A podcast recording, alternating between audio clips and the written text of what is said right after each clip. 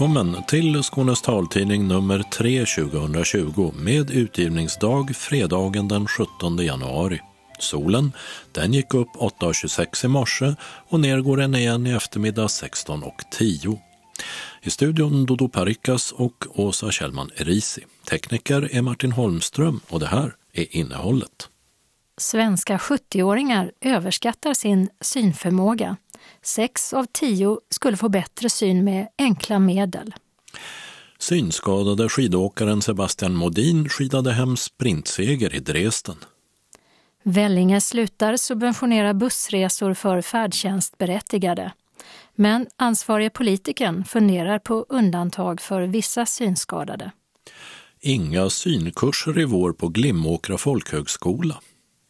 Öppnat och stängt med varmbadhus, hummusbar och korttidsboende. Arbetsförmedlingens omorganisering sätter käppar i hjulet för nysynskadad Malmöbo. Personer med synnedsättning, experter när det stora möbelvaruhuset slår ett slag för tillgänglighet med utställning i Älmhult. Vi har tagit en titt. Evenemangstipsen kommer med drop-in-dop och syntolkade katter. Och kalendern med Guldbaggar och valpskatt, för att nämna något. Anslagstavlan därpå med regionala och lokala meddelanden samt ändringar i kollektivtrafiken. Och sist redaktionsrutan. Sex av tio 70-åringar i Sverige skulle kunna förbättra sin syn betydligt genom enkla åtgärder. Det visar ny forskning vid Salgrenska akademin på Göteborgs universitet. Många äldre som inte ens har glasögon skulle behöva sådana. Och de som använder glasögon kan behöva en ny synundersökning och byta glas. Hela 61,5 procent av de 1200 deltagarna i studien visade sig kunna få bättre syn på det sättet. Grundproblemet är enligt forskarna att äldre överskattar sin synförmåga. Över 23 procent av deltagarna hade grå starr, medan under 5 hade förändringar i gula fläcken eller glaukom.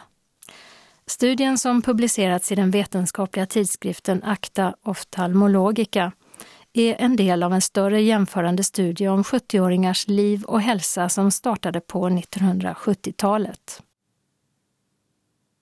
Synskadade längdskidåkaren Sebastian Modin vann sprintloppet i tyska Dresden i måndags. Det var andra raka sprintsegern för Modin i världskuppen.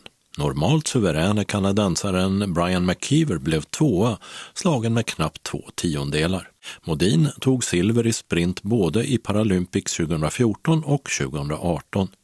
I onsdagens längre lopp över 6 kilometer som gick i Altenberg, också i Tyskland, blev Modin och guiden Robin Bryntesson trea efter att ha kört upp sig efter en svag start. McKeever vann med nästan en halv minut. Vellinge är nu den enda kommunen i Skåne där färdtjänstberättigade inte har fria eller subventionerade resor i kollektivtrafiken. Och det beror på Skånetrafikens nya biljettsystem, säger ansvarige politikern Martin von Gerten, Moderaterna.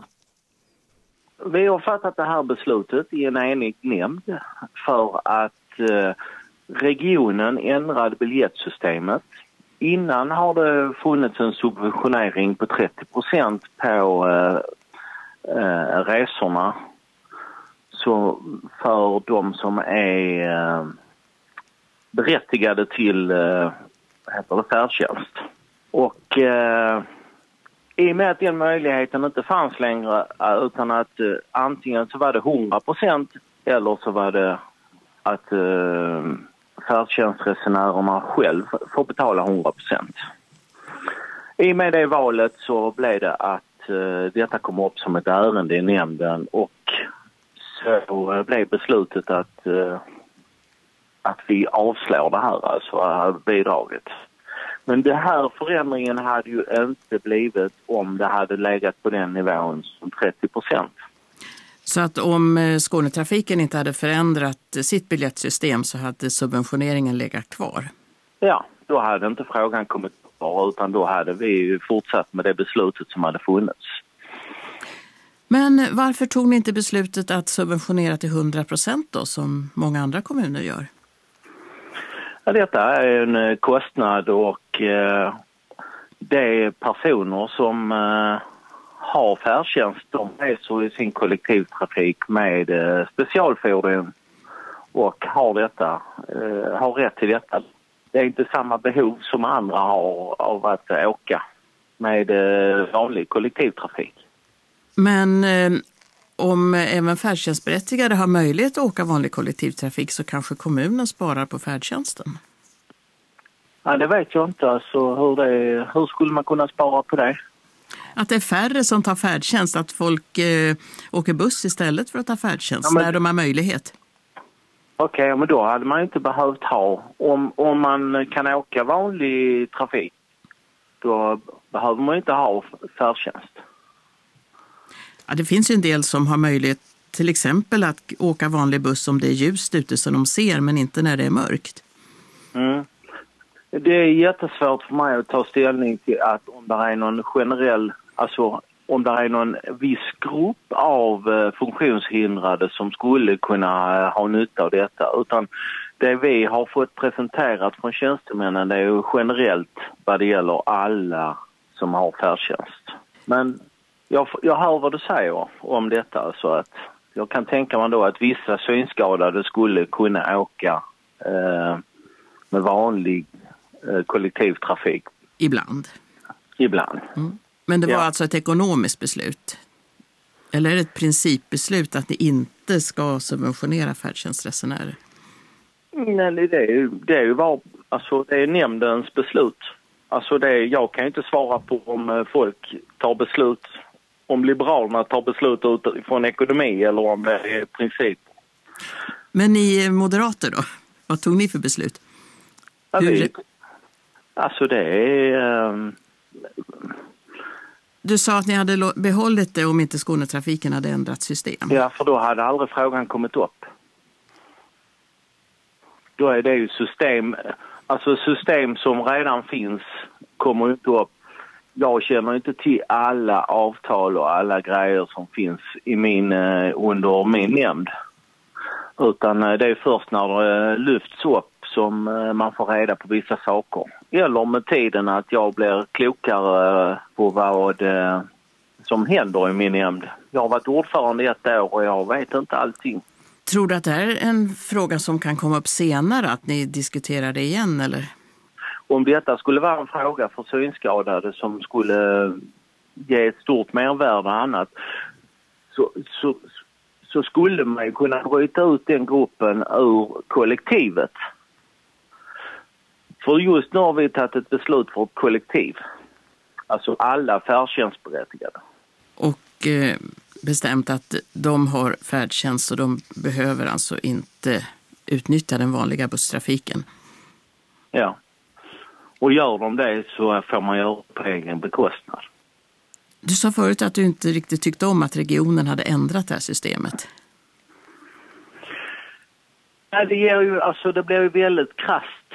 Alltså att eh, antingen så får man välja på det ena eller på det andra jag hade ju kanske gillat då att om man, om man nu hade kunnat bryta ut synskadade ur det här att uh, det, det, där finns grupper som skulle kunna eh, åka med vanlig kollektivtrafik till exempel när de har ledsagare.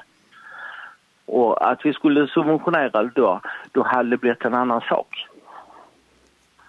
Men just nu så blir det ju att en, en hel grupp med människor där egentligen eh, väldigt få kan åka själv. Det är därför man är berättigad till färdtjänst. Det sa moderaten Martin von Garten, ordförande i tekniska nämnden i Vellinge. Hur mycket kommunen sparar på att inte subventionera färdtjänstberättigades kollektivtrafikresor, det har han ingen uppgift om. Driftsingenjören Lotta Cederfelt, som är ansvarig för uppföljningen av kommunens färdtjänstavtal, uppger att man räknar med en besparing på 330 000 kronor per år. Reporter var Birgitta Fridén. Under vårterminen, alltså nu 2020, kommer inga synkurser att anordnas på Glimåkra folkhögskola.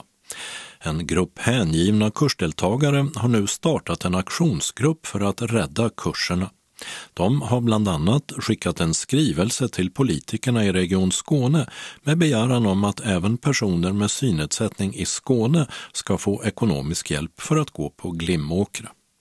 Anledningen till att det inte blir några kurser i vår är att personal har slutat och det i sin tur beror på att preparandkursen för ungdomar med synnedsättning inte kunnat genomföras det här läsåret, säger biträdande rektor Anna Björk. I år så fick vi inte tillräckligt med sökande så vi bedriver inte den kursen nu, nuvarande läsår. Och på grund av det så påverkar det eh, tjänsterna för personer med den här kompetensen också. Det är samma lärare då? Ja, precis. precis. Att man har haft eh, tjänstgöring i, både i de korta kurserna och i preparandkursen. Men att eh, ni inte har fått några ungdomar till preparandkursen, vad beror det på? Tidigare har preparandkursen fungerat att man behöver ha ett kommunavtal med hemkommunen som då går in och delvis finansierar det här året. Och där har vi i kontakt med en del kommuner stött på svårigheter, att man tycker att det, man eh, vill bedriva det, alltså ge de här eh, deltagarna utbildning på hemmaplan och att man tycker att det går i strid med det som står i skollagen att, att man får ge dem utbildning på det här sättet på annan ort. Men där har vi tillsammans med Specialpedagogiska skolmyndigheten hittat lite vägar framåt. Så från och med läsårsstart eh, 2020 så kommer det att vara kostnadsfritt för deltagare att eh, gå på preparandkursen och det innebär alltså inte heller att hemkommunen måste gå in med ett avtal och en finansiering utan det är likvärdigt beroende på vilken kommun man kommer ifrån och man har samma möjligheter. Det hoppas vi kan vara en sak som underlättar och som gör att vi kan få tag i fler ungdomar som är intresserade av att gå den här kursen. Och som då också kan rädda de här kortkurserna för vuxna? Ja, precis. För oss så, så hänger det ihop i tjänster och rekrytering av kompetent personal. Så för oss ser vi att vi, eh, vi behöver ha preparandkursen för att också kunna erbjuda de här kortare kurserna. Men om ni nu får sökande till en preparandkurs för nästa läsår, har ni personal då? Eh, det blir vårens eh, arbete här att eh, för det första säkerställa att vi har intresserade kursdeltagare som vill gå en preparandkurs här hos oss och sen rekrytera personal eller internutbilda befintlig personal så att vi har kompetensen att möta de deltagare som kommer. Hur stor betydelse för kursverksamheten har det att Region Skåne inte utnyttjar Glimåkras synkurser? Vi ser oss som en outnyttjad resurs i det här sammanhanget eh, och tänker att eh, vi kunde ha eh, några fler sökande till våra kurser om Region Skåne såg oss som en del i habiliteringskedjan. De har valt att sköta habiliteringen internt i sin egen regi medan många av våra kursdeltagare här vittnar om att den här formen att komma under en veckas tid på en kurs där det blir lite mer intensivt och man har möjlighet att eh, bo på skolans internat och utbyta erfarenheter med andra i liknande situationer. Så många som har varit här lyfter fram det som en jätteviktig aspekt och någonting som de känner att de inte riktigt får inom den habilitering som Region Skåne erbjuder. Så det skulle kunna innebära att vi kunde ha fler personer som fick möjlighet att ta del av våra kurser om eh, Region Skåne såg oss som en resurs. Men det är inte det som gör att det inte blir några kurser till våren, att Region Skåne inte utnyttjar er? Nej, det kan vi inte säga att det är. Det är inte skälet till att det inte är några kurser under våren.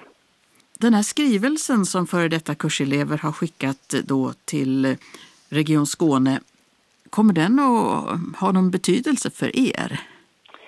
Självklart, för när skolan ska prioritera och välja vad man ska satsa på så finns där ett högt söktryck och ett stort intresse för våra kurser. Så det är klart att det ger ett incitament för oss att det är en viktig verksamhet som vi vill fortsätta med. Region Skånes beslut att inte anlita Glimåkra för rehabilitering är alltså inte orsaken till att det inte blir några synkurser under våren. Men eh, Jan-Olof Asp i Helsingborg, en av initiativtagarna till uppropet om synkurserna, tycker ändå att det är viktigt att få politikerna att inse kursernas betydelse och satsa pengar. Vi vill att de ska skicka med pengar till de här kurserna. Alltså det kan ju ske i form av att man betalar större delen av kursavgiften. Att man eh, så att säga remitterar från syncentralerna som det var tidigare just för att de skulle lära sig till exempel telefoner eller annat. Eller, det handlar ju också om att, det, att man ska stärka sig psykosocialt om man säger så. Att man upptäcker att man faktiskt kan göra saker. Och många gånger så upptäcker man det först när man träffar andra synskadade under en sån här vecka. Vad får det för konsekvenser nu då, att det inte blir några kurser, åtminstone inte det närmaste halvåret? Ja, det är ju väldigt trist för människorna som gärna hade velat gå kurserna. Det finns ju många, vi har fått de första svaren på den här pejlingen och det är många som hade riktat in sig på olika kurser i iPhone, det finns ju olika steg där. Men också på eh, till exempel mat och hälsa, eh, andra kurser som man har sett fram emot som nu uteblir. Och det här i slutändan måste ju ändå kosta samhället pengar. Jag menar hur trevligt är det om man sitter hemma och inte vågar gå ut och eh, delta i det allmänna livet så att säga. Man eh, tror inte man kan klara av att laga mat. Man vill ha mer hemtjänst och annan service. Så jag tror att man biter sig i svansen lite här om man nu av kostnadsskäl inte vill subventionera de här kurserna. Finns det något annat skäl att inte vilja göra det då tror du? Ja, som man säger, man får ju ta folk på ord. De säger, så vitt jag har förstått, att vi har den kompetensen själva, säger man inom Region Skåne. Om man tänker på, de har ju på syncentraler och annat. Som, men den utbildningen finns ju inte där. Alltså du kan få någon timme då och någon timme då, men det är ju ingen kontinuitet. Vad har Glimåkra betytt för dig personligen? Vad, är det, vad har du lärt dig där? Det, jag har lärt mig att använda telefonen på alla möjliga upptänkliga sätt. Jag har varit och lärt mig att laga mat. Jag har varit eh, känd på punktskrift, eh, käppteknik och annat.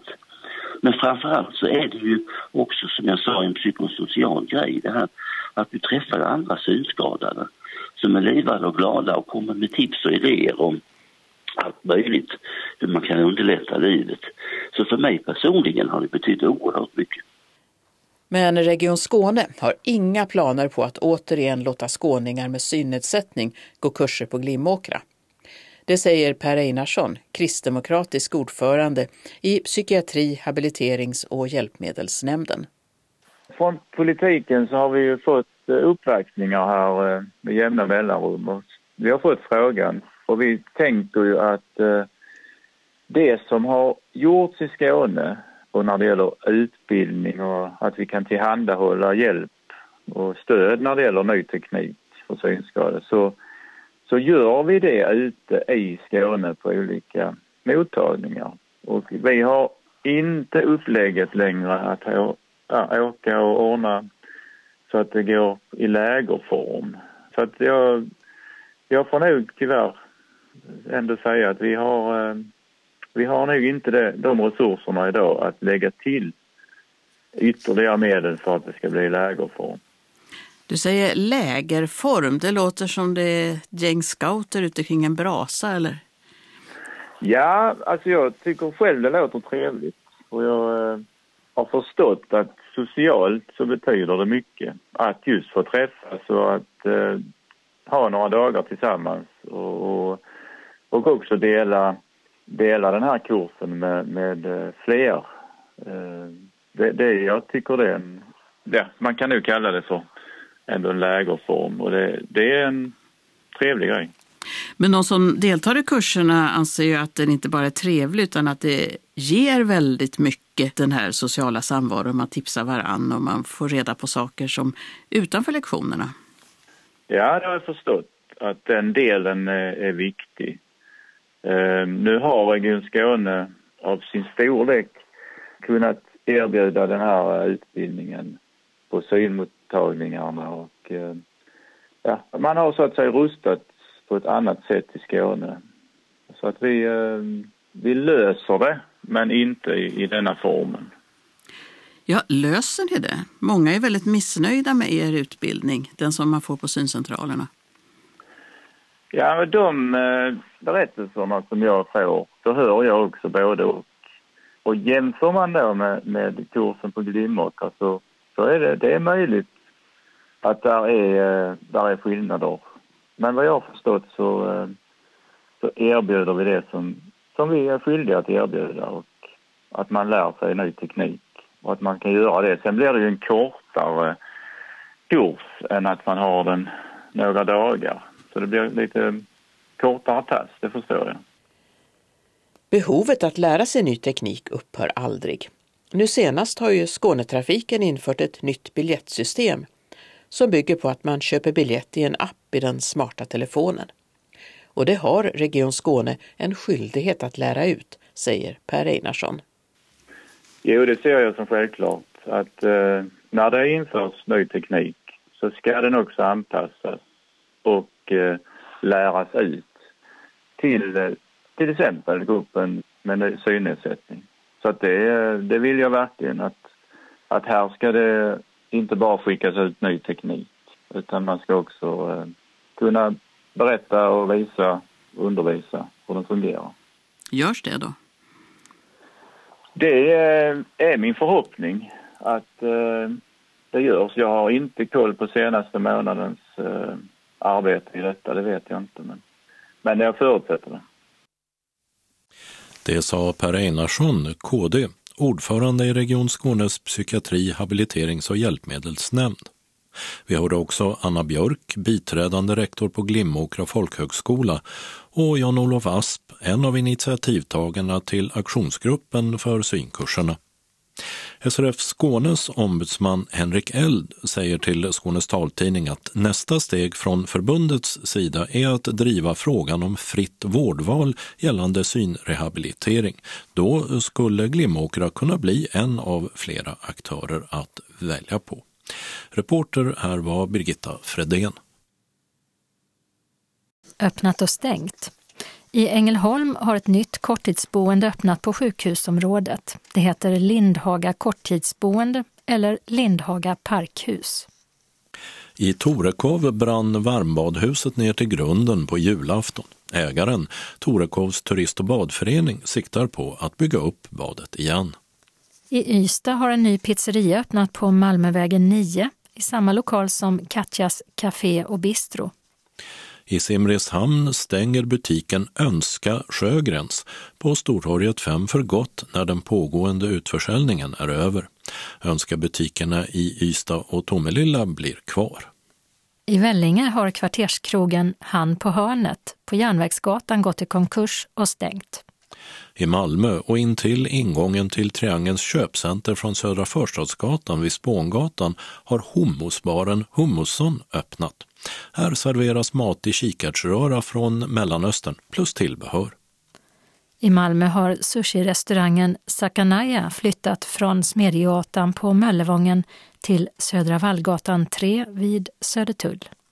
I Malmö har Fest ikväll där man syr och säljer tjusiga klänningar öppnat på Davidshallsgatan 13. Och på Limhamn i Malmö har Bröllopsbruket öppnat. Här är det fokus på återbruk av begagnade brudklänningar. Adressen är Glasbruksgatan 4A. Fortfarande i Malmö har NTs eller Nordic Treasures smyckes och accessoarbutik på Södra Förstadsgatan 31 stängt. I slutet av januari öppnar de istället runt hörnet vid själva Triangeltorget. Adress Södra Förstadsgatan 40B. Och i Malmö har den hippa cykelhandlaren Bien Velo flyttat efter tre år på Regementsgatan 10. Ny adress är Davidshalls torg 1 i hörnet till Storgatan och de organiserar även bland annat picknickar. Det senaste året har Arbetsförmedlingen genomgått en omfattande förändring där många kontor lagts ner och en tredjedel av personalen sagts upp. Även om regeringen nu har backat och skjutit upp reformen ett år så är det mycket som redan genomförts och många har slutat på eget initiativ, något som påverkar bland annat synskadade.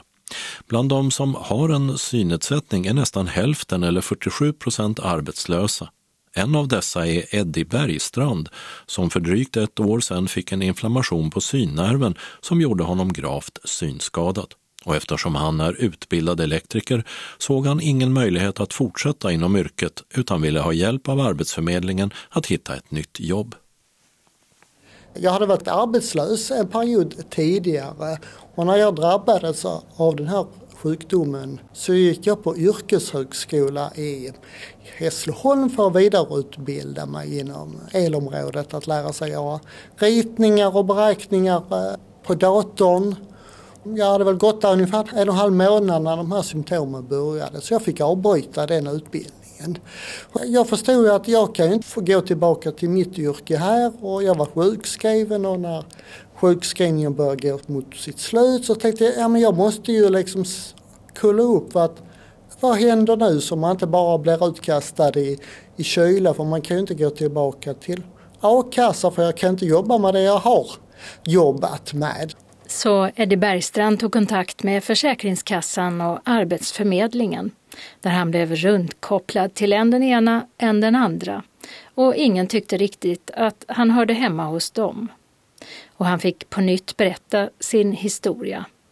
Så under lite drygt ett och ett halvt års tid så har jag nog haft eh, fem, sex olika personer hos eh, Arbetsförmedlingen som jag har varit i kontakt med. Man har fått berätta sin livshistoria och sen har det slutat med att man blir ivägskickad till en uh, ny handläggare. Och har du fått någon hjälp? Ja, till slut så fick jag i slutet av juli månad så fick jag en rehabplats som skulle vara lite utbildning och praktik på någonting som heter Iris Hadar. Och meningen är ju där att man ska lära sig att kunna använda lite sådana tekniska hjälpmedel och få lite hjälp och stöd till att komma ut till arbetslivet.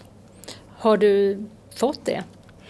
Till en viss del, men jag hade önskat att saker och ting hade varit eh, mer välorganiserade. Många gånger så blir det tyvärr lite att eh, det känns lite som att eh, man är bara ett streck i statistiken som har flyttats över från öppet arbetslös till åtgärd, lite förvaring. Men vad hoppas du om framtiden då? Har du kommit på själv vad det är du vill göra och vad du kan göra? Jag har väl många funderingar så att säga på eh, saker och ting som jag skulle kunna tänka mig att jobba med men problemet är ju att allting är ju digitaliserat nu för tiden. Det ska vara mobiltelefoner och datorer och det ska vara bank-id och det är väldigt svårt att komma in i det här som, eh, som synskadad. Det är inte lätt och eh, lära sig alla de här eh, sakerna när man helt plötsligt kastas in i någonting från att ha varit fullt eh, seende och arbetat. Men i dagarna har Eddie Bergstrand fått besked om att det inte blir någon förlängning på Iris Hadar eftersom man bestämt att han behöver en så kallad basrehabilitering. Men vem som ska stå för den är oklart och det är påfrestande att gå och vänta man mår tidvis eh, dåligt av att och dels vara utlämnad till andra eh, personers liksom, ja, godtycke eller vad man ska säga. Man är bara ett streck i statistiken till att man, ja, man blir orolig. Man vet inte vad som händer själv, man kan inte planera något. Och eftersom Eddie Bergstrand har lång erfarenhet som elektriker så tycker han att det borde finnas en hel del som han skulle kunna bidra med. Jag skulle gärna vilja komma ut och kanske vara någon slags hjälpresurs på något kundcenter eller i någon eh, skola eller någon projektgrupp där man utreder saker och ting och diskuterar för eh, man har ju samlat på sig väldigt mycket kunskap. Eh, nu har jag varit ute och jobbat i 30 år inom den här branschen. Jag är 54 år idag. Och jag har inte lust att slå mig till ro liksom och bara liksom bli någonting som går och väntar på eh, pensionen utan jag vill ju försöka göra någonting. Men det, det blir nog ännu svårare för de som har någon form av eh, funktionsnedsättning i framtiden. Och varför tror du det? Resurserna räcker inte till. Det är så många som eh, behöver hjälp och sen är det eh, säkert mycket kompetent personal på Arbetsförmedlingen som då inte vet hur deras framtid kommer att se ut som då söker sig till andra yrken som känns tryggare. Jag tror nog att de kommer till att tappa eh, väldigt mycket kompetens. Resurserna räcker knappt till för de som är, eh, är friska och vill ha ett jobb. Och då kan man ju undra liksom, hur blir det då för oss som har någon form av eh, funktionsnedsättning. Har du i kontakten med Arbetsförmedlingen märkt av någonting sånt där att nu måste du gå in på datorn och anmäla det här eller har du kunnat via telefon komma i kontakt med dem? I början under min sjukdom, då var det väldigt mycket sånt här man skulle fylla i blanketter och ja, de ville väl helst då att man skulle logga in och lösa alla problem digitalt, vilket då inte fungerade för man hade ju då, man hade inte alla hjälpmedel och man hade inte all kunskap och så många gånger så blev det ju att ja, antingen, vissa problem kunde man ju lösa per telefon men det gick ju inte alltid att göra det på grund av sekretess. Utan ibland så fick man ju då liksom helt enkelt ta färdtjänst till ett arbetsförmedlingskontor och säga att jag kan inte sitta hemma och fylla i en eh, aktivitetsrapport eftersom jag inte kan eh, varken logga in eller skriva. Så ni, ni får helt enkelt liksom ta papper och penna här och hjälpa till och, och fylla i en eh, blanketter och disk. Hur hade du velat bli bemött? Vad hade du velat att folk skulle göra när du då fick betydligt sämre syn och inte längre kunde vara kvar i ditt gamla yrke? Eh, man hade behövt eh, mer hjälp och stöd och framförallt information om eh, vilka möjligheter som det finns att få hjälp och stöd. Det har jag väl mer eller mindre fått lära mig själv under den här tiden. Tack och lov så har jag liksom varit är utåtriktad så eh, jag har liksom lätt att kunna ställa frågor och liksom ta reda på information. Men eh, man måste ta reda på allting för det är ingen som talar om någonting för en. Och ja, som många andra säger att man, man, måste vara frisk för att kunna vara eh, sjuk. För man måste vara sin egen kurator och man måste vara sin egen sekreterare eh, och hålla reda på alla papper och fylla i blanketter och, och ringa. Och, eh, det hade behövts någon form av någon kommunal tjänst, någon form av något kontor som kunde hjälpa en med alla, alla sådana här saker. Och många gånger så, så tror jag de hänger upp väldigt mycket på att ja, men det, man har anhöriga eller familj som kan hjälpa med uh, allting sånt. Men jag är ensamstående. Jag har inga föräldrar i livet och jag har inga syskon. Och inga barn som kan hjälpa mig utan jag, jag sitter helt själv med eh, saker och ting. Men är det någon som har överraskat dig för att den personen har bemött dig väldigt bra och gett dig information som du har behövt? Har du mött sådana ögonblick också? Jag kan säga att jag har fått eh, väldigt mycket hjälp och stöd av eh, Sydenheten Vuxna här i Malmö som har hjälpt till. Dels då man eh, kan gå i olika enskilda besök för att hjälpa med saker och ting och de har gruppverksamhet där man kan komma in och diskutera och få tips och råd. Men eh, det är ju sånt där som man har fått söka rätt på under tiden. Det fanns liksom ingenting ifrån som tog hand om de här sakerna från början utan allting har liksom berott på min egen initiativförmåga. Att, liksom att jag vill komma vidare så att säga i livet. Hur eh, digital var du innan du blev eh, så pass synskadad som du är idag? Jag var väldigt digital av mig och jag var väl den personen i min bekantskapskrets som hjälpte dels anhöriga och, och vänner och, och familj under tiden den fanns så att säga. Och likadant i, i mitt eh, yrke så använde jag väldigt mycket datorer och hjälpmedel. Men sen när man då själv hamnade i, i klistret att man behövde ha hjälp, ja då, då, då, då finns det liksom ingen som kan, eh, kan hjälpa en. Det finns inget, inget ställe man kan gå med sin, sin mobiltelefon till exempel eller sin dator och säga att eh, kan du hjälpa mig att installera det här eller förklara för det? Det finns ju väldigt mycket sådana här tekniska hjälpmedel men det är väldigt mycket arbete innan de kommer igång så att säga i uppstartsskedet.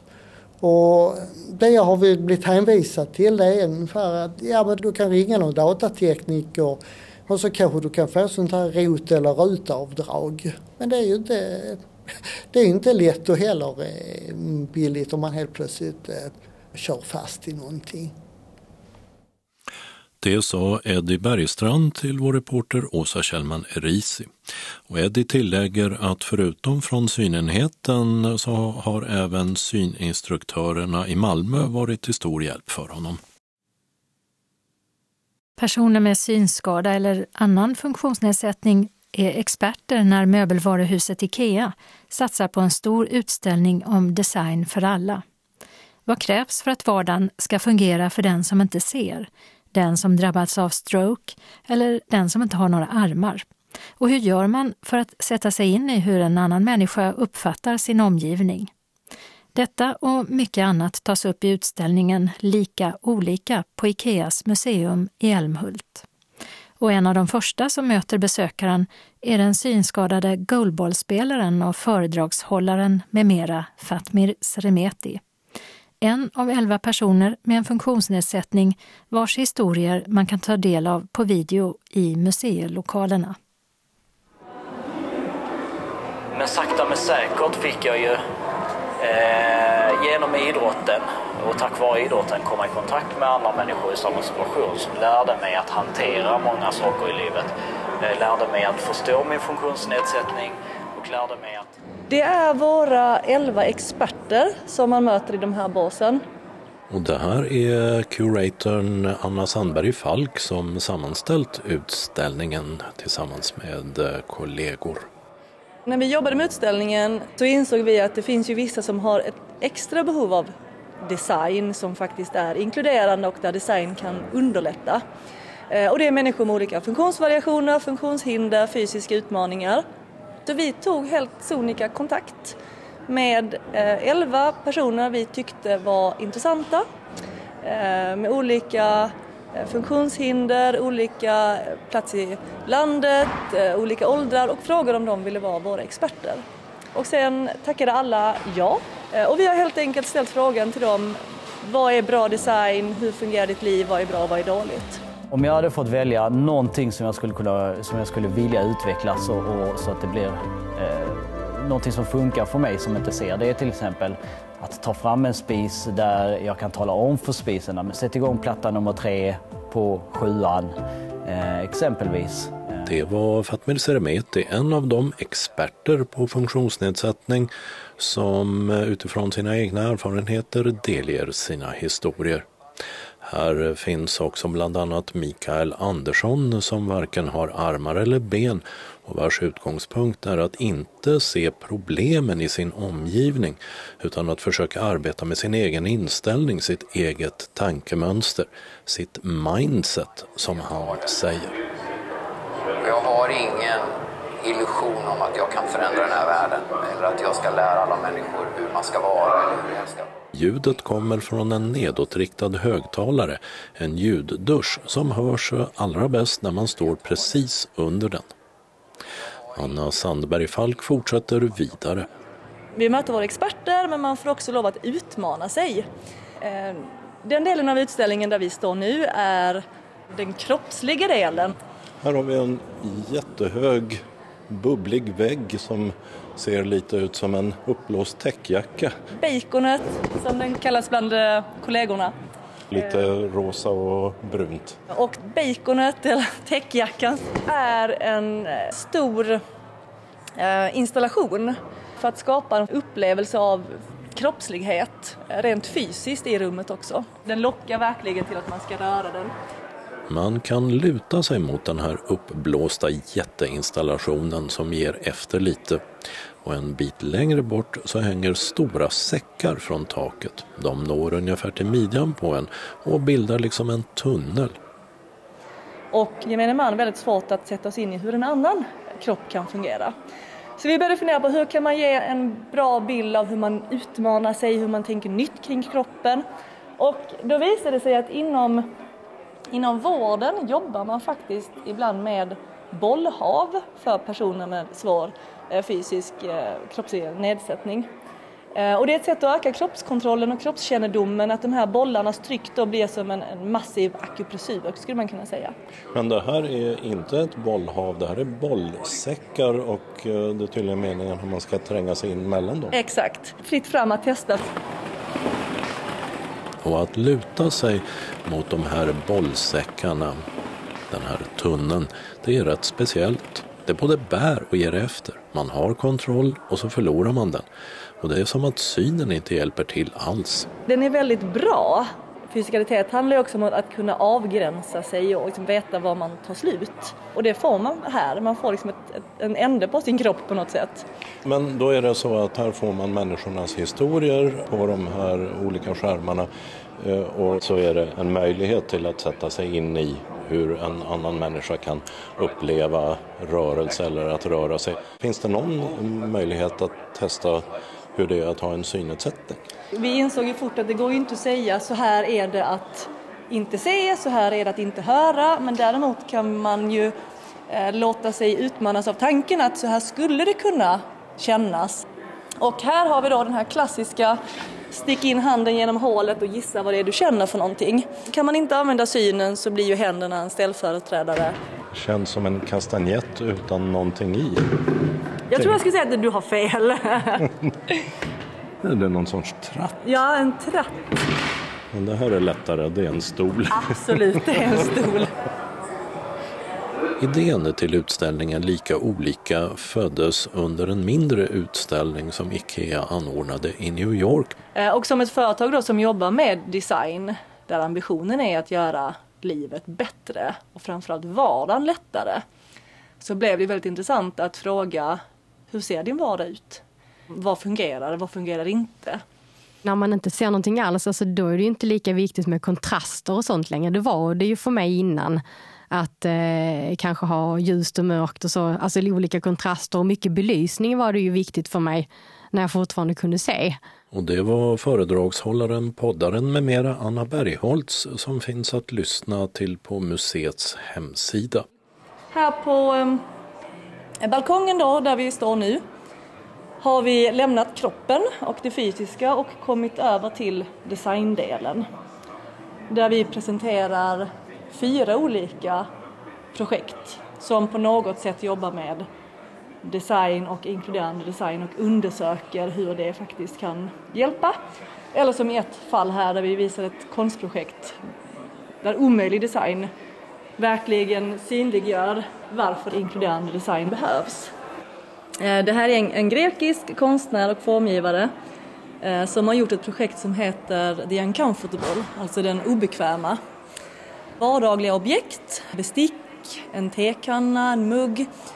Men hon har på alla på något sätt förändrat designen och formgivningen till att bli mer eller mindre helt oanvändbar.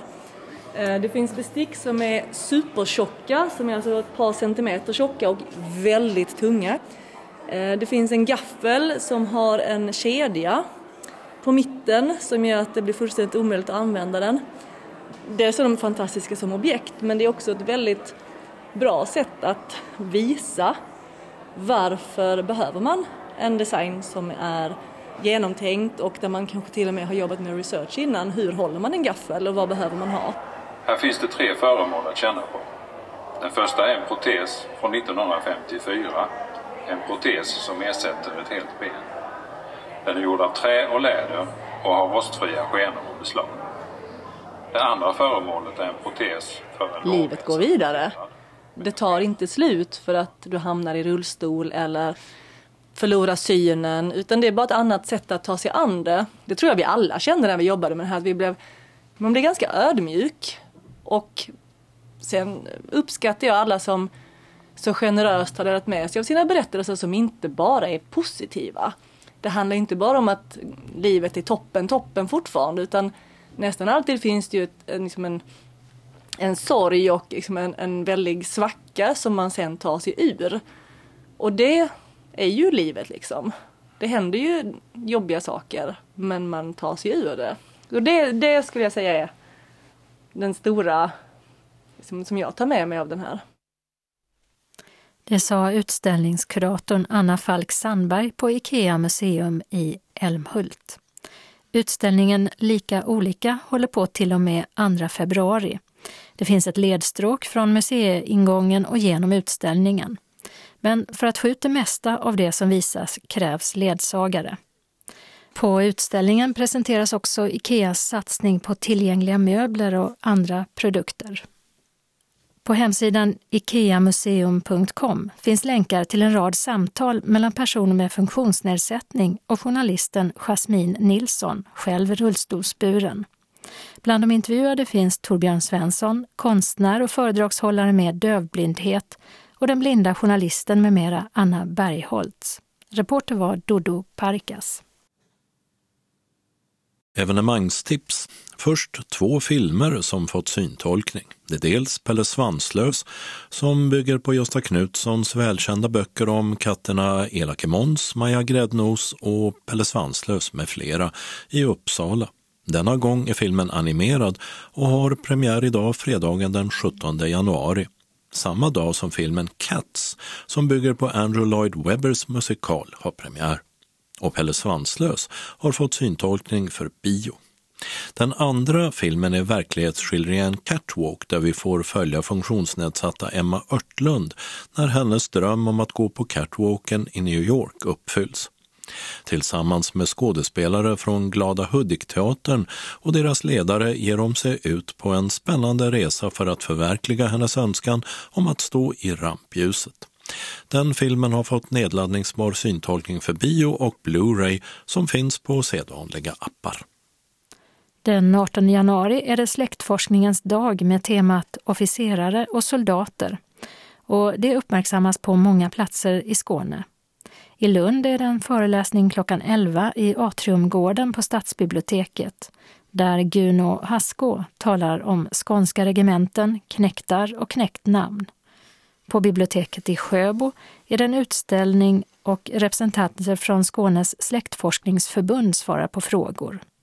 På Stadsarkivet i Malmö blir det flera föreläsningar, varav en hålls av historikern Göran Larsson, som är tidigare museichef och stadsarkivarie.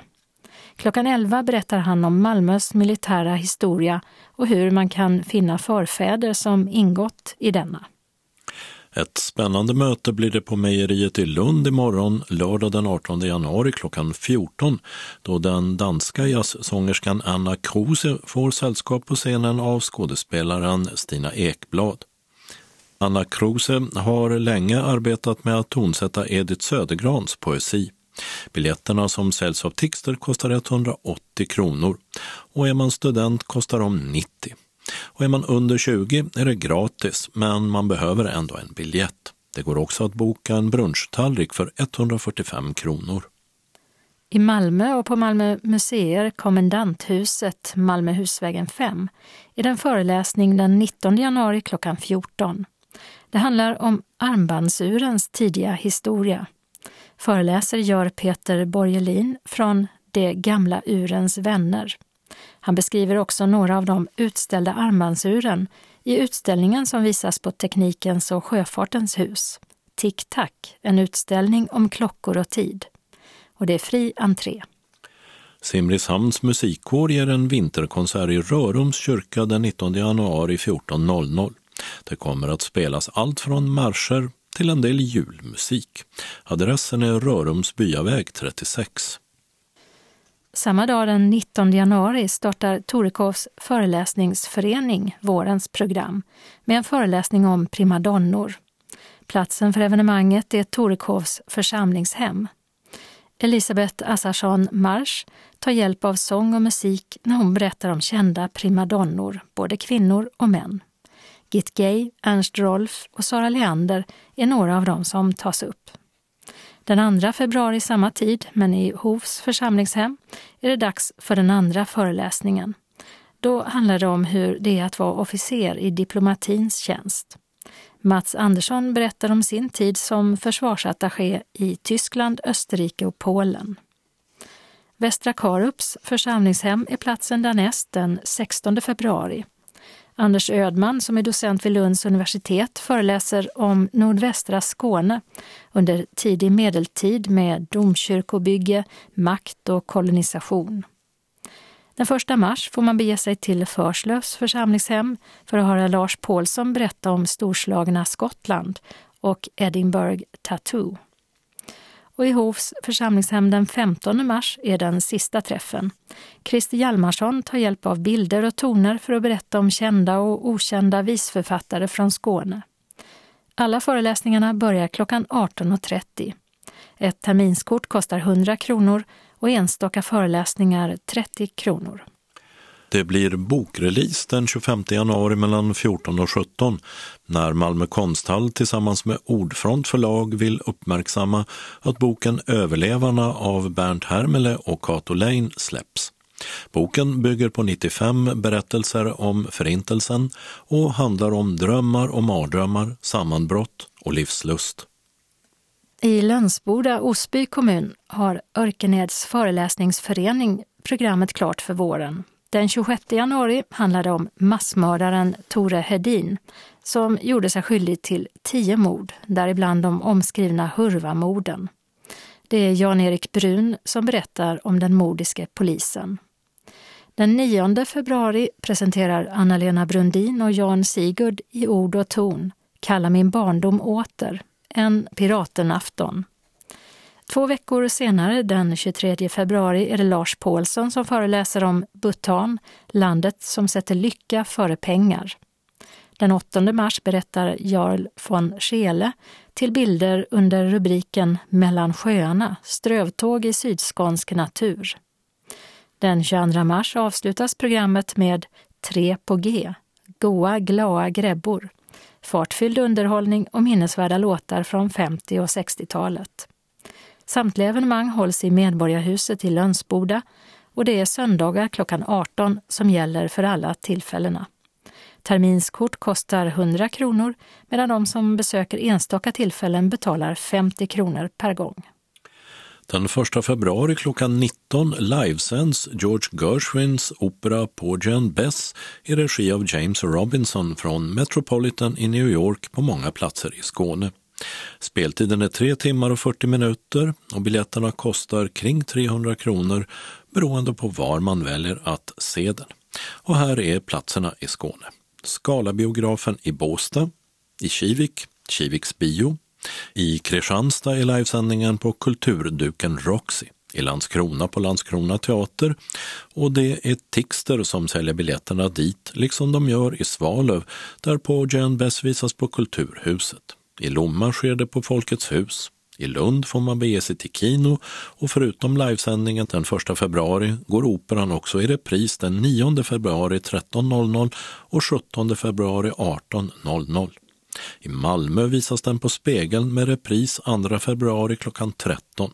I Skurup på Biorama i Helsingborg är platsen Röda Kvarn och där kan man även lyssna till ett samtal 18.20, alltså strax före föreställningen, med musikkritikern och författaren Nicolas Ringskog Ferrada Noli som berättar om sin senaste bok Dröm och skådespel, en introduktion till opera.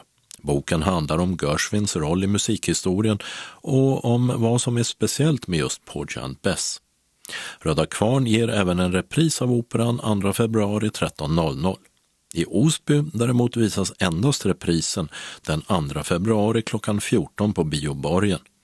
Arrangör är Folkets hus och parker och biljetterna säljs på de flesta ställen av respektive biograf.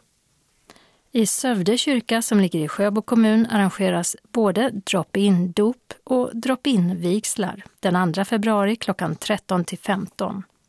För dop, om det gäller barn, krävs samtycke från vårdnadshavarna samt legitimation. Dopklänning finns att låna. Och när det gäller vigsel så måste man ha med sig giltig hindersprövning och legitimation. Och någon i paret måste vara medlem i Svenska kyrkan. Komikern Babben Larsson kommer till Metropol Bio i Hörby med två föreställningar den 2 februari. Dels klockan 15 men också 19. Babben Larsson var en av pionjärerna när stand-upen kom till Sverige 1988 och det utlovas två föreställningar fulla med glädje. Biljetterna som kostar 250 kronor säljs dels på Metropol Bio men också på Sandals modehus. Jazzsångerskan Emilia Mortensson ger en konsert tillsammans med sitt band i Parken i Trelleborg den 7 mars klockan 19.30 med insläpp 19. Hon kommer ursprungligen från Trelleborg men bor sedan många år i London. Och 2016 blev hon tilldelad priset Vocalist of the year. Biljetterna som bokas hos Nortic kostar 195 kronor. Biljettinformation, Tixter, telefon 0771 47 70 70. Ystad Teater 0411 577 199. Nortic 0455 61 97 00.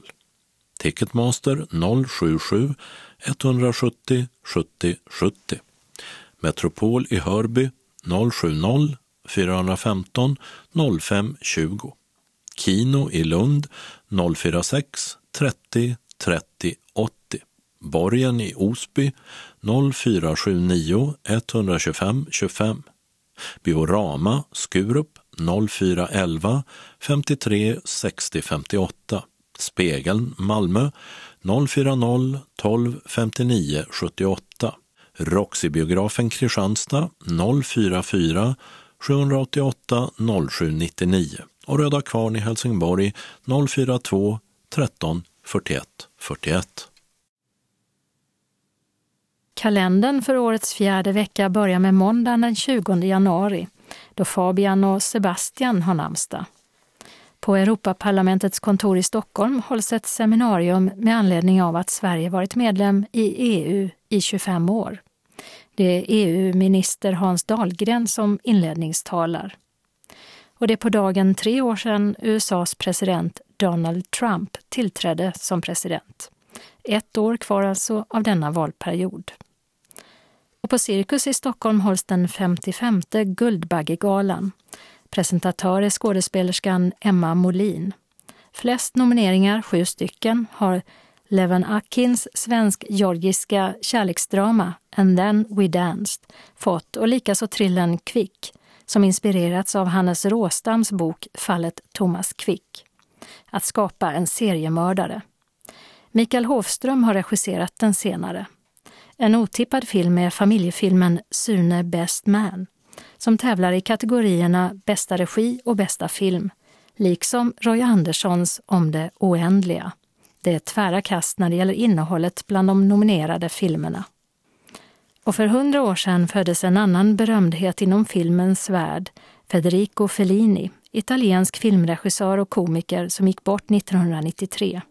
Fellini har regisserat till exempel La Strada, La Dolce Vita och Amarcord. I Graz i Österrike inleds EM i konståkning som håller på till den 26 januari. Tisdagen den 21 januari har Agnes och Agneta namnsdag. 1720, alltså för precis 300 år sedan, slöt Sverige och Preussen fred i Stockholm.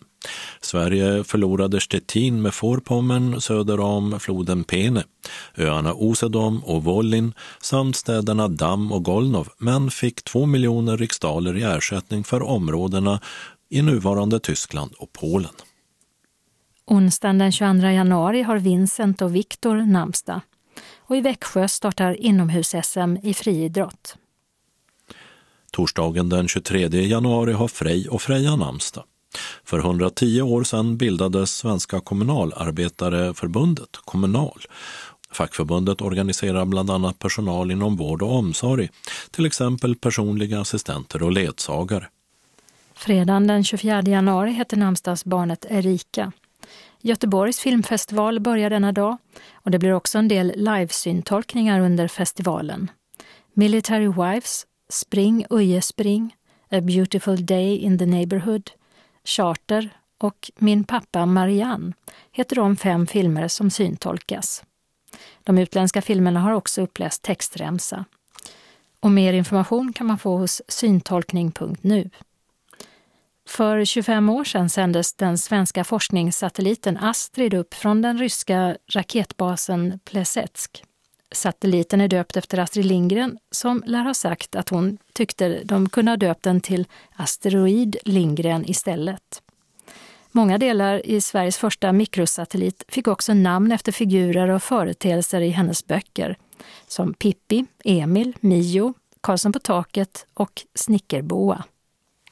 Lördagen den 25 januari är det Paul och Paul som har namnsdag. För 100 år sedan anordnade Rädda Barnen en insamling som de kallade för Linnesöndag till förmån för de frysande och sjuka barnen i Österrikes huvudstad Wien. Efter första världskriget var nöden oerhörd i landet och särskilt i Wien. Den svenska grenen av Rädda Barnen hade bildats bara två månader före denna hjälpinsats. 1990 avskaffades den så kallade valpskatten som infördes tre år tidigare. Skatten var på handel med värdepapper och togs bort eftersom en stor del av handeln då flyttades utomlands. Skatten fick sitt namn av att de många unga börsklipparna kallades för finansvalpar. Christian Olsson som tog OS-guld i tresteg i Aten 2004, han fyller 40. Ett år före OS tog han också VM-guld i Paris. Han hoppade även till sig tre EM-guld och många SM-guld med flera medaljer i tresteg. Och i Trollhättan, där arrangeras det EM i ostronöppning på Nova Arena. Ett tjugotal tävlande från Europa gör upp om titeln. Söndagen den 26 januari har Bodil och Boel namnsdag. 1790, alltså för 230 år sedan, hade Wolfgang Amadeus Mozarts opera Così fan tutte urpremiär på Burgteater i Wien. EM i handboll avslutas med final på Tele2 Arena i Stockholm. Vilka lag som tar sig dit är ännu oklart. Men redan i gruppspelet så har en av favoriterna, Frankrike, slagits ut.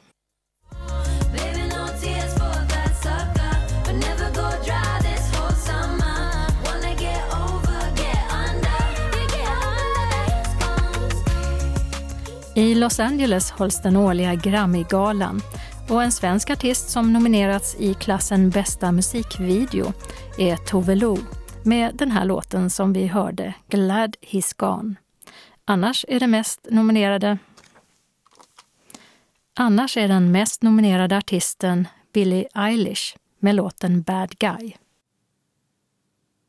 Den regionala anslagstavlan börjar med ett meddelande från SRFs riksförbund som uppmanar så här. Nominera till Synskadades stiftelses hederspris.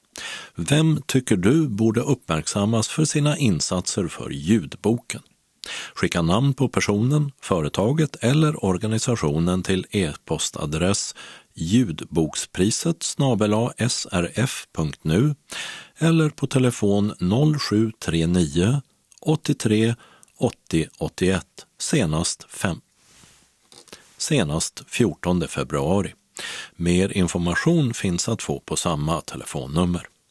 Synskadades stiftelses hederspris består av ett stipendium på 25 000 kronor och delas ut under ljudboksgalan Storytel Awards på restaurangen Berns i Stockholm den 2 april. SRF Malmö bjuder in SRF-are från hela Skåne till syntolkad teater. Arthur Millers klassiska En handelsresandes död. En föreställning som syntolkas på Intiman torsdagen den 27 februari. Samling klockan 18.15 på Östra Rönneholmsvägen 20 i Malmö. Föreställningen börjar klockan 19 och håller på i tre timmar. Pris 220 kronor för vuxna. Betalning med inbetalningskort som skickas hem. Biljetterna delas ut på plats. Handlingen den amerikanska drömmen rasar samman för Willie Loman efter att han i 30 år rest runt och sålt strumpor och damunderkläder tjänar han nu ingenting. Medan allt han byggt upp rasar försöker hans fru Linda hålla familjens fasad uppe. Berättelsen pendlar gränsöverskridande i tid och rum mellan dröm och verklighet medan familjens livslögn genomskådas bit för bit. Vi har förbokat ett antal biljetter. För medlemmar utanför Malmö utgår som vanligt resersättning från SRF Skåne. Anmäl dig till kansliet på 040 25 05 40 eller info srfmalmo.se senast tisdagen den 21 januari och berätta då om du behöver lur och eller ledsagning. Om ni skulle ha frågor så kan ni ringa Maj-Britt Ryman 070-324 66 09. Hjärtligt välkomna önskar styrelsen. Så har vi ett meddelande från SRF Skånes valberedning till alla medlemmar med rubriken Hjälp oss att hitta kandidater. I april är det dags för årsmöte med val till flera poster i distriktet. Nu vill vi i valberedningen ha hjälp att hitta lämpliga kandidater till dessa. Vi söker till styrelsen, en ordförande på ett år och tre ledamöter på två år. Styrelsen genomför den verksamhet som föreningens medlemmar beslutat om. Den har också ansvar för föreningens ekonomi och för den personal som är anställd i distriktet. Att sitta i styrelsen är ett både ansvarsfullt och hedrande uppdrag, både som ordförande då du ska leda styrelsens arbete eller som ledamot då du ska vara en del av gruppen som tar distriktets verksamhet framåt. I styrelsen får du möjlighet att utveckla distriktet och jobba med alla delar av verksamheten. Ledamöter vars mandatperiod går ut vid årsmötet är ordförande Maria Torstensson samt Per-Arne Andersson, Anna Jakobsson och Other Tomma, medan vice ordföranden Hans Olin, Bo Lang och Anders Mordell alla sitter ett år till. Vi söker också två verksamhetsrevisorer på ett år. Som sådan har du till uppgift att granska styrelsens arbete och föreningens verksamhet för medlemmarnas räkning. Det här uppdraget ger dig en god inblick i verksamheten.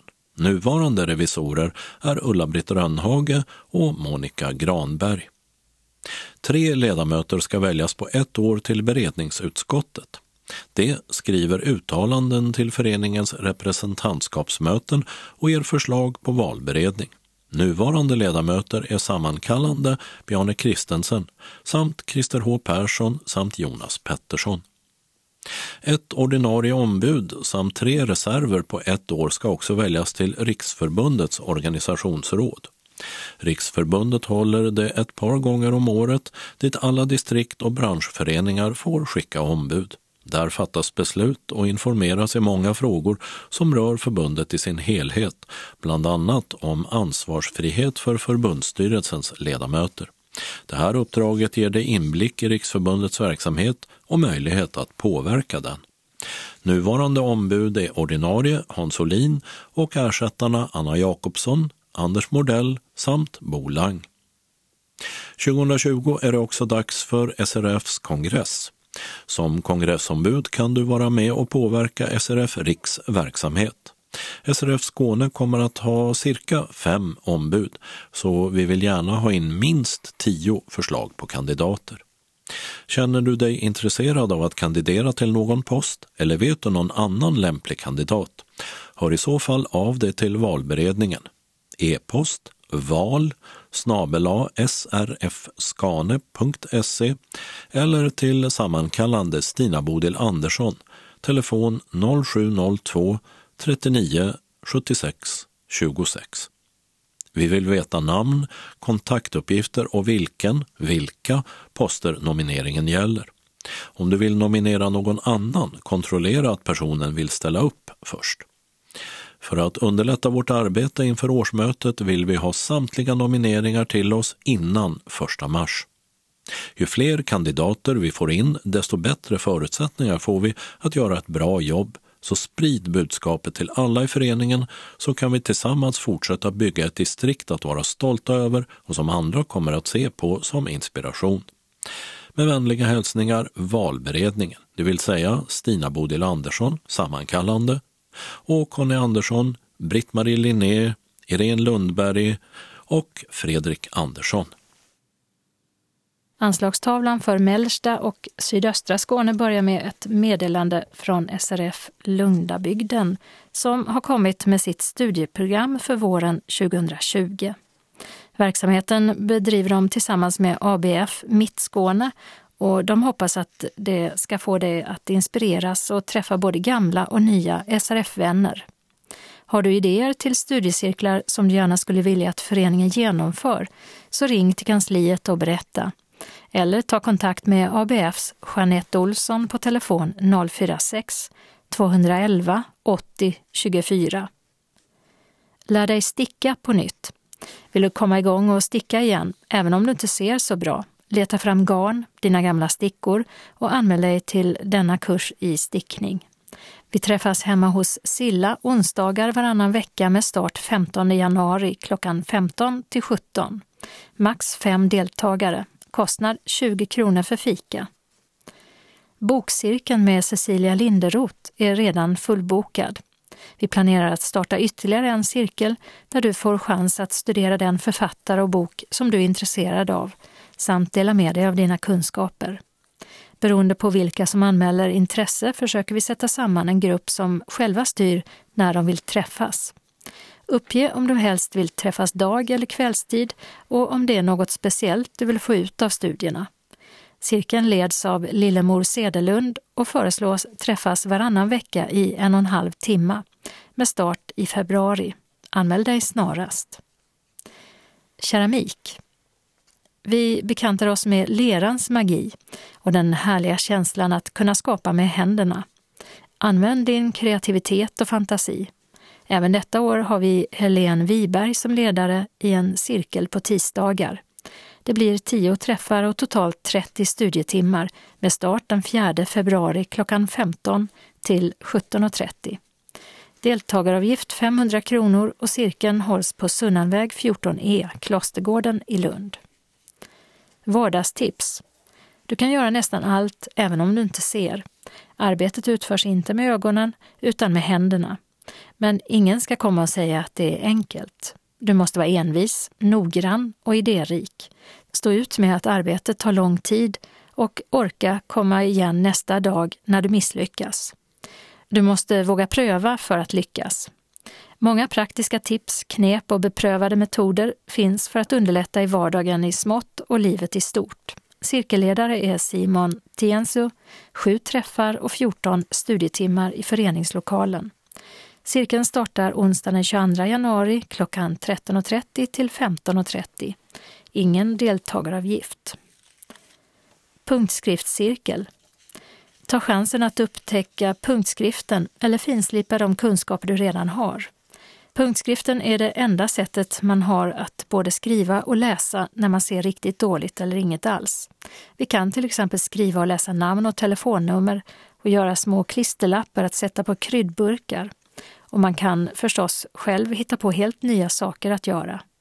Cirkelledare är Simon Tiensu och det blir sju träffar med totalt 14 studietimmar.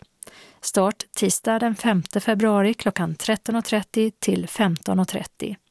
Det är ingen deltagaravgift och cirkeln hålls i föreningslokalen på Tordönsvägen 4 i på Klostergården i Lund. iPhone-cirkel. Ta nu chansen att vara med från början med iPhone-grunderna för att orientera dig tekniskt och kunna utnyttja alla möjligheter som finns i dagens och framtidens telefoner. Möjligheterna är oändliga. Eftersom utbildningen är mycket krävande för ledaren så måste vi begränsa antalet deltagare till fem personer, så först till kvarn gäller. Cirkelledare är Jonny Ekström, sju träffar och 14 studietimmar. Start onsdagen den 19 februari klockan 18 till 20.30 i föreningslokalen i Lund. Ingen deltagaravgift. När du bestämt dig för vilken eller vilka studiecirklar du vill gå så anmäler du dig snarast. Ring till föreningens kansli på telefon 046 211 06 74 eller e-post till srfkansli.lundabygden bredband.net. Du måste anmäla dig även om du deltagit i samma studiecirkel under hösten 2019. Vi behöver också veta vilket medium du behöver eventuellt studiematerial på. Varmt välkommen!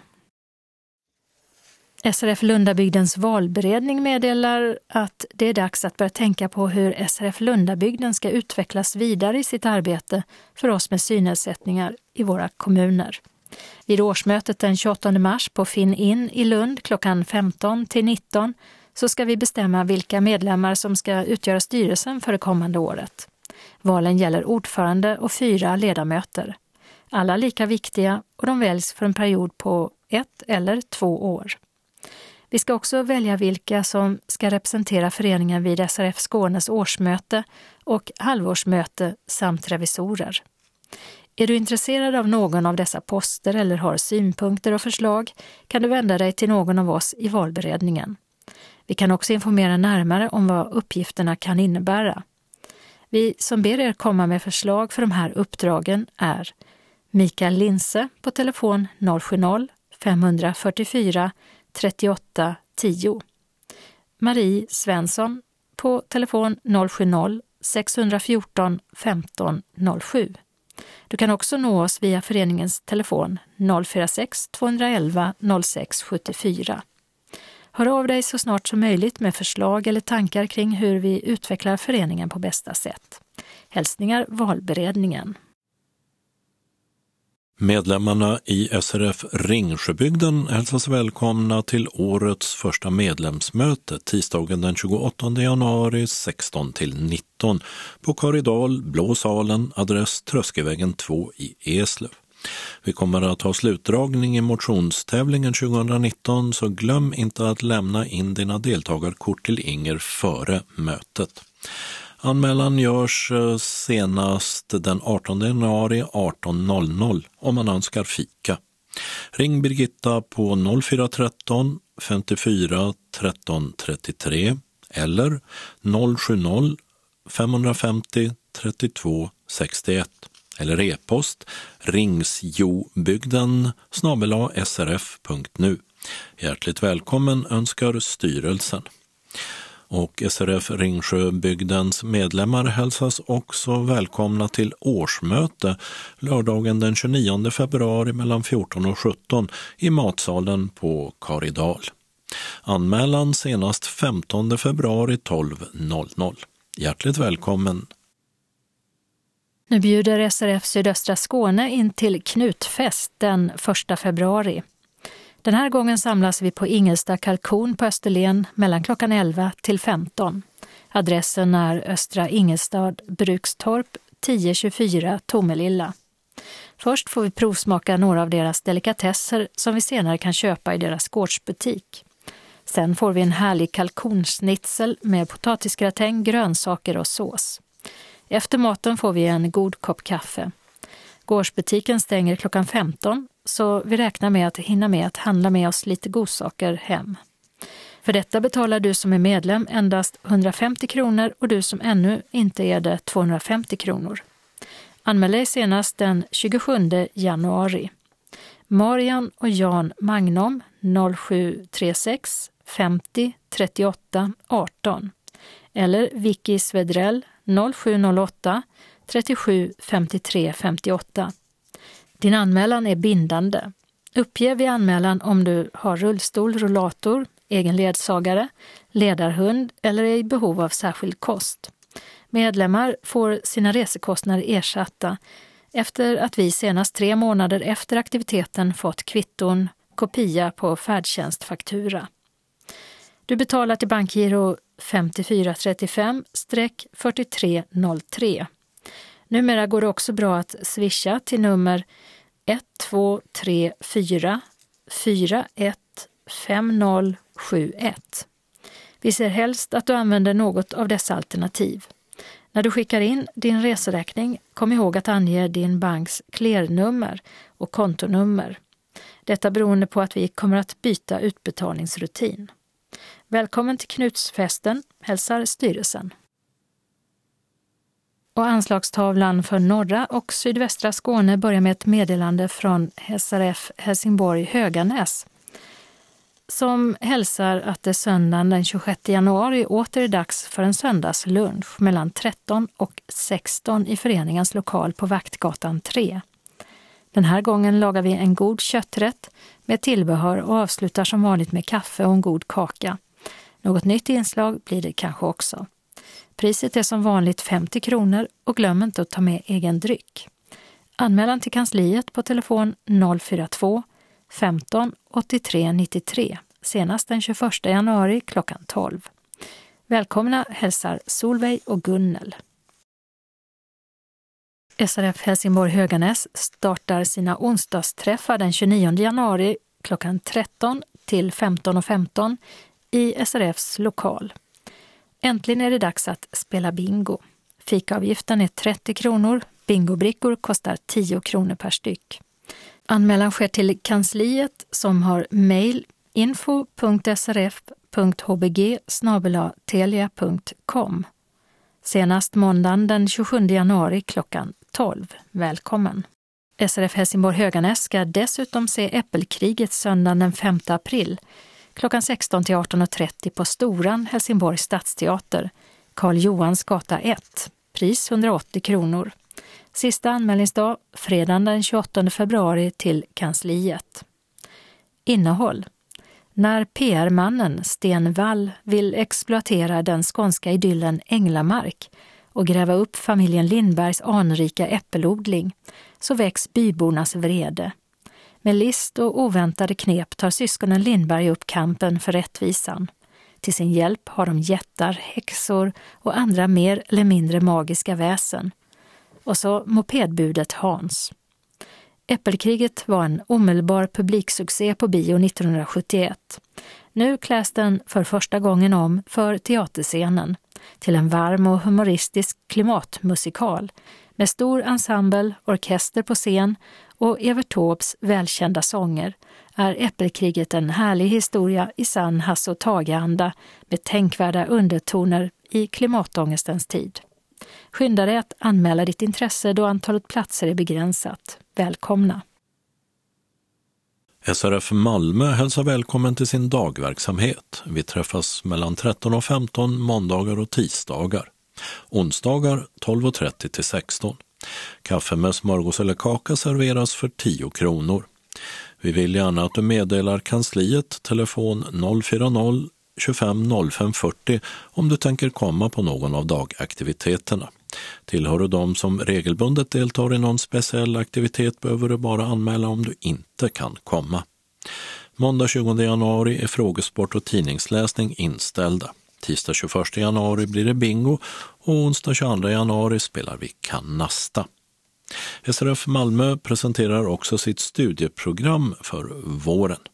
Är du intresserad av en eller flera kurser så anmäl dig på telefon 040 25 05 40 eller mejla till info srfmalmo.se senast fredagen den 17 januari. Före kursstart skickas kallelse och inbetalningskort ut till alla anmälda. Keramik torsdag eftermiddagar 13.15 till 16.30. Kursen hålls i samarbete med ABF i deras lokal Porslinsgatan 3 till 5. Du får lära dig att använda leran och dreja eller kanske vill du hellre använda fantasin och trycka eller kavla ut leran till olika föremål. Pris 480 kronor för 16 träffar och du betalar dessutom själv för den lera du förbrukar. Vävning. Tisdag förmiddagar 9.30 till 12, start 28 januari. Du som vill gå vävkurs anmäler dig till föreningen eftersom den går i vår egen regi. Men kursen hålls på Porslinsgatan 3-5. Pris 420 kronor för 14 träffar. Materialkostnader tillkommer. Aktuellt i litteraturen i samarbete med ABF. Torsdag förmiddagar 9.30 till 12, start 30 januari. Britt-Marie Johansson, som lett många intressanta kurser genom åren, tar upp nya böcker både av svenska och utländska författare. Kursen hålls i föreningens lokal, Wendelsfridsgatan 13. Vi tar en fika med smörgås eller kaka för 10 kronor under kursen. Pris 300 kronor för 10 träffar. Historiska byggnader. En kurs i samarbete med ABF, start 30 mars och sedan måndag förmiddagar 9.30 till 12. Det är en kurs med Jeanette Rosengren där vi vandrar tillsammans på utvalda ställen i centrala Malmö samtidigt som vi lär oss mer om stadens historia. Vid ett tillfälle rör vi oss eh, runt Gustav Adolfs torg och Södergatan. Vid ett annat blir det Stortorget och ett tredje till exempel Gamla Väster. Första träffen samlas vi i föreningens lokal. Priset är 240 kronor för åtta träffar. Varmt välkomna till en givande och trevlig kursgemenskap, hälsar styrelsen. Synskadades förening SRF Trelleborg med omnejd inbjuder till bowling på Söderslättshallen, Klörupsvägen 48, Trelleborg. Lördagen den 1 februari 15 till cirka 17. God fortsättning till er alla på det nya året. Nytt år, nya möjligheter. Det ser vi fram emot. Vi startar året med bowling. Denna gång provar vi banorna på Söderslättshallen i norra delen av Trelleborg, cirka två kilometer från tågstationen. Ta gärna lokalbuss 2, hållplats Söderslättshallen. Vi spelar mellan klockan 15 och 16. Vi samlas vid huvudentrén 14.45 så vi hinner prova skor och går i samlad tropp till bowlinghallen som ligger i bottenplan. När speltiden är slut bjuder föreningen på pizza eller hamburgermeny i hallens sportbar.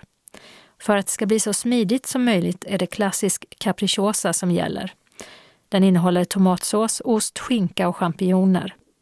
Anmäl dig senast den 24 januari till Helena, telefon 0706 42 21 76 eller e-post 1 Helena Lindell gmail.com en etta och så Helena Lindell som ett ord.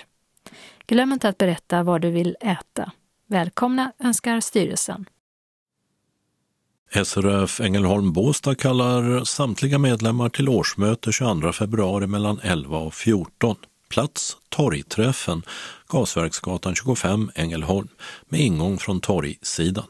En enklare lunch serveras efter förhandlingarna och handlingarna till årsmötet skickas ut på begäran. Anmälan senast fredag 14 februari till Stina Modil, e-post stina.bodil telia.com eller telefon till Marianne 070 710 45 79. Välkomna hälsar styrelsen. Vi har några tillfälliga ändringar i busstrafiken som gäller Malmö. Till och med 31 januari klockan 15 pågår VA-arbeten på Västra Varvsgatan. Därför är hållplatserna Kockums och Propellergatan stängda i bägge riktningar. Det gäller stadsbuss 3. Kockum Fritid och Dockan är närmaste öppna hållplatser. Linje 5 i riktning mot Västra hamnen har ändhållplats på Norra Vallgatan.